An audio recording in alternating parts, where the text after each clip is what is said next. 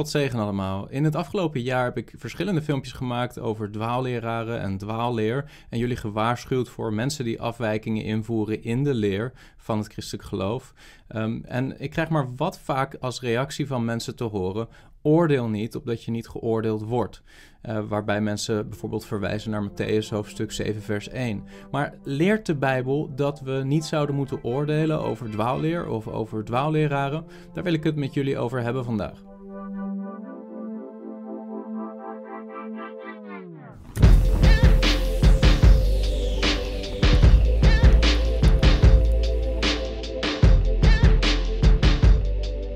Voor degenen die dit kanaal wat langer volgen, jullie weten dat ik verschillende filmpjes heb gemaakt het afgelopen jaar. Filmpjes waarin ik waarschuw tegen de dwaalleer die bijvoorbeeld wordt verspreid door verschillende Aziatische secten. Die beweren dat Christus al is teruggekomen in het vlees. Maar ook filmpjes over bijvoorbeeld Word of Faith theologie, uh, die afwijkingen invoeren in het Bijbels evangelie.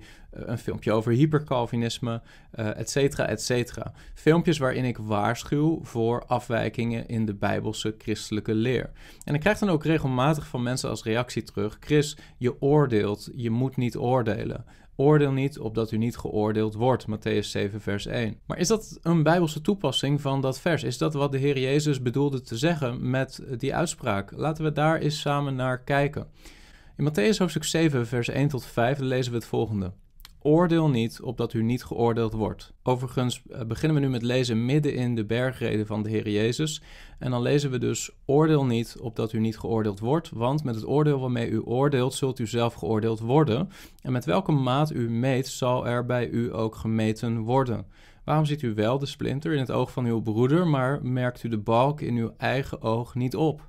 Of hoe zult u tegen uw broeder zeggen: Laat toe dat ik de splinter uit uw oog haal, en zie, er is een balk in uw eigen oog. Huigelaar, haal eerst de balk uit uw oog weg, en dan zult u goed kunnen zien om de splinter uit het oog van uw broeder te halen. Leer deze tekst dat we niet ons zouden moeten uitspreken over dwaalleer, dat we niet een oordeel zouden moeten vellen over het onderwijs wat mensen verspreiden in de christelijke wereld.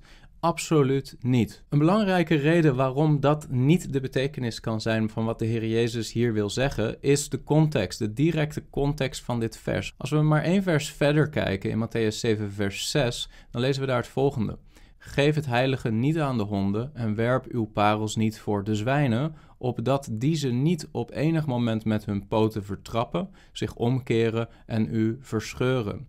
Nou, hoe, hoe weet je überhaupt wat de honden zijn, wat de zwijnen zijn, als je geen oordeel velt over mensen, als je niet op de een of andere manier onderscheid van de geest beoefent in je omgang met mensen, om vast te stellen, zijn dit gelovigen, zijn dit mensen die opnieuw geboren zijn, zijn dit mensen die het evangelie ontvangen hebben, of zijn dit mensen in Adam? Zijn dit natuurlijke mensen? Zijn dit uh, zondaren die het evangelie verworpen hebben? Wanneer de Heer Jezus hier spreekt over honden en zwijnen, dan heeft hij het over mensen die uh, weliswaar het evangelie gehoord hebben, maar het verwerpen en het blijven verwerpen. En de Heer Jezus waarschuwt ook op andere plekken ons in de evangelie, bijvoorbeeld, dat wanneer we de boodschap van het evangelie ergens gepredikt hebben en mensen die boodschap niet willen aannemen, dat we dan het stof moeten afschudden van onze voeten en door moeten gaan om het evangelie elders te prediken. Daarbij moeten we er ook voor waken dat we niet iemand die niet opnieuw geboren is, iemand die niet het evangelie van vergeving uh, in geloof heeft aangenomen,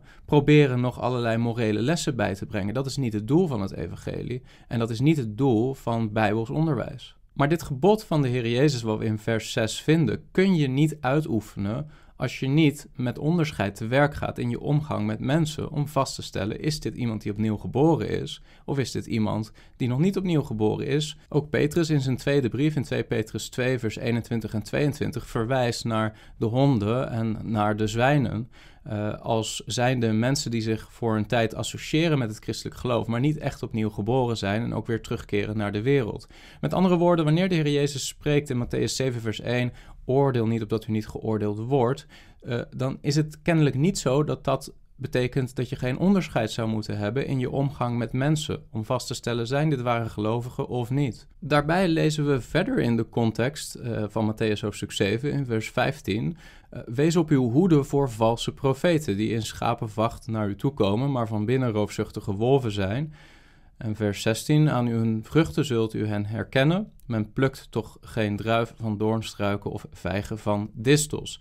Dus de Heer Jezus waarschuwt ons maar een paar versen later in dezelfde boodschap voor valse profeten, waarvoor we op onze hoede moeten zijn, die we zouden moeten herkennen, ook al is dat best ingewikkeld, omdat het wolven zijn die zich als schapen verkleden. Uh, de Heer Jezus zegt, aan hun vruchten zult u hen herkennen. Dus de Heer Jezus gebiedt ons om onderscheid te maken, om uh, goed te beoordelen wat de vruchten zijn van iemands leven, of dat iemands onderwijs aansluit bij de waarheid van de schrift, of dat het dwaalleer is, of dat het valse leer is. Dus uh, Matthäus hoofdstuk 7 vers 1 en Matthäus hoofdstuk 7 vers 15 zijn allebei geboden waar we ons aan zouden moeten houden. Maar als je Matthäus hoofdstuk 7 vers 1, oordeel niet, opdat u niet geoordeeld wordt, gaat uitleggen als een verbod om te oordelen over dwaalleer, ja, dan, dan, dan blijkt de boodschap van de Heer Jezus intern inconsistent te zijn. En dat is dus waarschijnlijk de verkeerde uitleg. Dat is niet een goede interpretatie van wat de Heer Jezus zegt. En ook de rest van het Nieuwe Testament laat eigenlijk zien dat dat niet de juiste uitleg is van Matthäus hoofdstuk 7 vers 1. Uh, want het hele Nieuwe Testament, de geschriften van de apostelen, staan vol met waarschuwingen voor valse leer en geboden om die te blijven toetsen en daar onderscheid in te maken. Zo lezen we bijvoorbeeld in 1 Johannes hoofdstuk 4 vers 1, geliefde geloof niet elke geest, maar beproef de geesten of ze uit God zijn, want er zijn veel valse profeten in de wereld uitgegaan. Zie je, het is een gebod van de schrift om geesten te beproeven, om te oordelen over de leer en de leraar om te zien of die uit God is. Daarnaast zien we dat de apostel Paulus in verschillende situaties ook expliciet namen noemt van dwaalleraren. Dwaalleraren zoals bijvoorbeeld Hymenaeus en Philetus. We vinden in 2 Timotheus hoofdstuk 2 vers 17 en 18 het volgende. En hun woord zal zich uitzaaien als kanker. Onder hen bevinden zich Hymenaeus en Philetus. Vers 18, zij zijn van de waarheid afgeweken door te beweren dat de opstanding reeds heeft plaatsgevonden en breken het geloof van sommigen af. Dus Hymenaeus en Philetus hebben iets geïntroduceerd in de leer van het evangelie, in de leer van het christelijk geloof en verspreiden dat terwijl het een vals element is. Het is een valse doctrine, een valse leer. Ze beweren dat de opstanding reeds heeft plaatsgevonden en dat is niet het geval. De opstanding van de doden ligt nog in de toekomst. En kennelijk verhindert het gebod van de Heer Jezus om niet te oordelen, Paulus niet om toch een oordeel uit te spreken over Hymenaeus en Philetus en hun leer. Zeg je broeder Chris, maar wat betekenen de woorden van de Heer Jezus in Matthäus 7 vers 1 dan precies wel? Nou, als we het nog eens goed bekijken, dit schriftgedeelte, oordeel niet opdat u niet geoordeeld wordt, want met het oordeel waarmee u oordeelt, zult u zelf geoordeeld worden en met de maat met welke u meet, zal er bij u gemeten worden. Waarom ziet u wel de splinter in het oog van uw broeder, maar merkt u de balk in uw eigen oog niet op? Het gaat hier specifiek over oordelen in hypocrisie. God heeft een hekel aan huichelarij. God heeft er een hekel aan wanneer wij andere mensen veroordelen of beoordelen op gedrag wat wij wel in ons eigen leven toelaten. dat is hypocrisie. Eh, de Heilige Geest werkt in ons leven om ons te heiligen en om ons te bevrijden van de kracht van zonde. Maar wanneer wij andere mensen veroordelen in bepaalde zonden die wij ook zelf nog steeds begaan, dan zijn we huigelaars, dan zijn we hypocriet. En God heeft een hekel aan hypocrisie. En daarom staat er: haal eerst de balk uit uw eigen oog, dan zult u goed kunnen zien om de splinter uit het oog van uw broeder te halen. Dus de primaire betekenis de primaire boodschap van de Heer Jezus is eigenlijk gericht op de Fariseeën en hun manier van heiligheid. Eh, het soort eigen gerechtige heiligheid, waarbij je vooral anderen oordeelt en neerkijkt op andere mensen, terwijl je eigenlijk zelf in vele opzichten zondiger bent dan zij. Dat is hypocrisie, dat is huichelarij en dat soort religie, daar heeft God een hekel aan, daar heeft de Heer Jezus een hekel aan. En daarom zegt hij, oordeel niet opdat u niet geoordeeld wordt. Daarnaast is het zo dat we niet oppervlakkig moeten oordelen. De Heer Jezus zegt in Johannes 7, vers 24: Oordeel niet naar wat voor ogen is, maar vel een rechtvaardig oordeel. Dus de Heer Jezus zegt hier juist: vel een rechtvaardig oordeel, maar oordeel niet naar wat voor ogen is. Dus wanneer wij mensen beoordelen of wanneer wij kijken naar het gedrag van mensen, moeten we beseffen dat ons kennen onvolkomen is. Soms zien we misschien dingen in het leven van een ander, maar we kennen het halve verhaal maar. We weten niet wat er nog meer is aan informatie die maakt dat eigenlijk het verdedigenbaar is wat ze doen. Dus we moeten voorzichtig zijn dat we niet te makkelijk oordelen op basis van veel te weinig informatie. En we moeten erkennen dat wij niet de harten van mensen kennen en wij ook niet alwetend zijn zoals de Heere God. En om die reden is uh, is het God die uiteindelijk de rechter is van elk mens en moeten wij voorzichtig zijn wanneer we een oordeel vellen over mensen. Daarnaast waarschuwt de Heer Jezus voor uh, het oordelen op een trotse en op een zelfgenoegzame manier. En dat lezen we bijvoorbeeld ook in Lucas hoofdstuk 18, uh, vers 9 tot, tot 14. Daar lezen we: Hij sprak ook met het oog op sommigen die van zichzelf overtuigd waren dat ze rechtvaardig waren en alle anderen minachten. En dan lezen we deze gelijkenis: Twee mensen gingen naar de tempel om te bidden. De een was een fariseer en de ander een tollenaar. De fariseer stond daar en bad dit bij zichzelf. O God, ik dank u dat ik niet ben zoals de andere mensen, rovers, onrechtvaardigen, overspelers of ook als deze tollenaar. Ik vast tweemaal per week. Ik geef tienden van alles wat ik bezit. En de tollenaar bleef op een afstand staan en wilde ook zelfs zijn ogen niet naar de hemel opheffen, maar sloeg op zijn borst en zei: O God, wees mij, de zondaar, genadig. Ik zeg u, deze man ging gerechtvaardigd terug naar huis, in tegenstelling tot die andere. Want ieder die zichzelf verhoogt, zal vernederd worden. En wie zichzelf vernedert, zal verhoogd worden. Uh, lieve broeders en zusters, wij hebben als christenen die opnieuw geboren zijn uit genade. Uh, op grond van het evangelie van vergeving, waarin onze enige hoop is geworden dat de Heer Jezus Christus is gestorven voor onze zonden. Wij hebben geen enkel recht om trots te zijn. We hebben geen basis om te roemen. Uh, er staat heel duidelijk in Efeze 2, vers 8 tot 10: Uit genade bent u zalig geworden. Door het geloof. En dat niet uit u, het is de gave van God, niet uitwerken, opdat niemand zou roemen. Uh, een christen kan niet roemen. En oordelen over andere mensen is in zekere zin een vorm van roemen.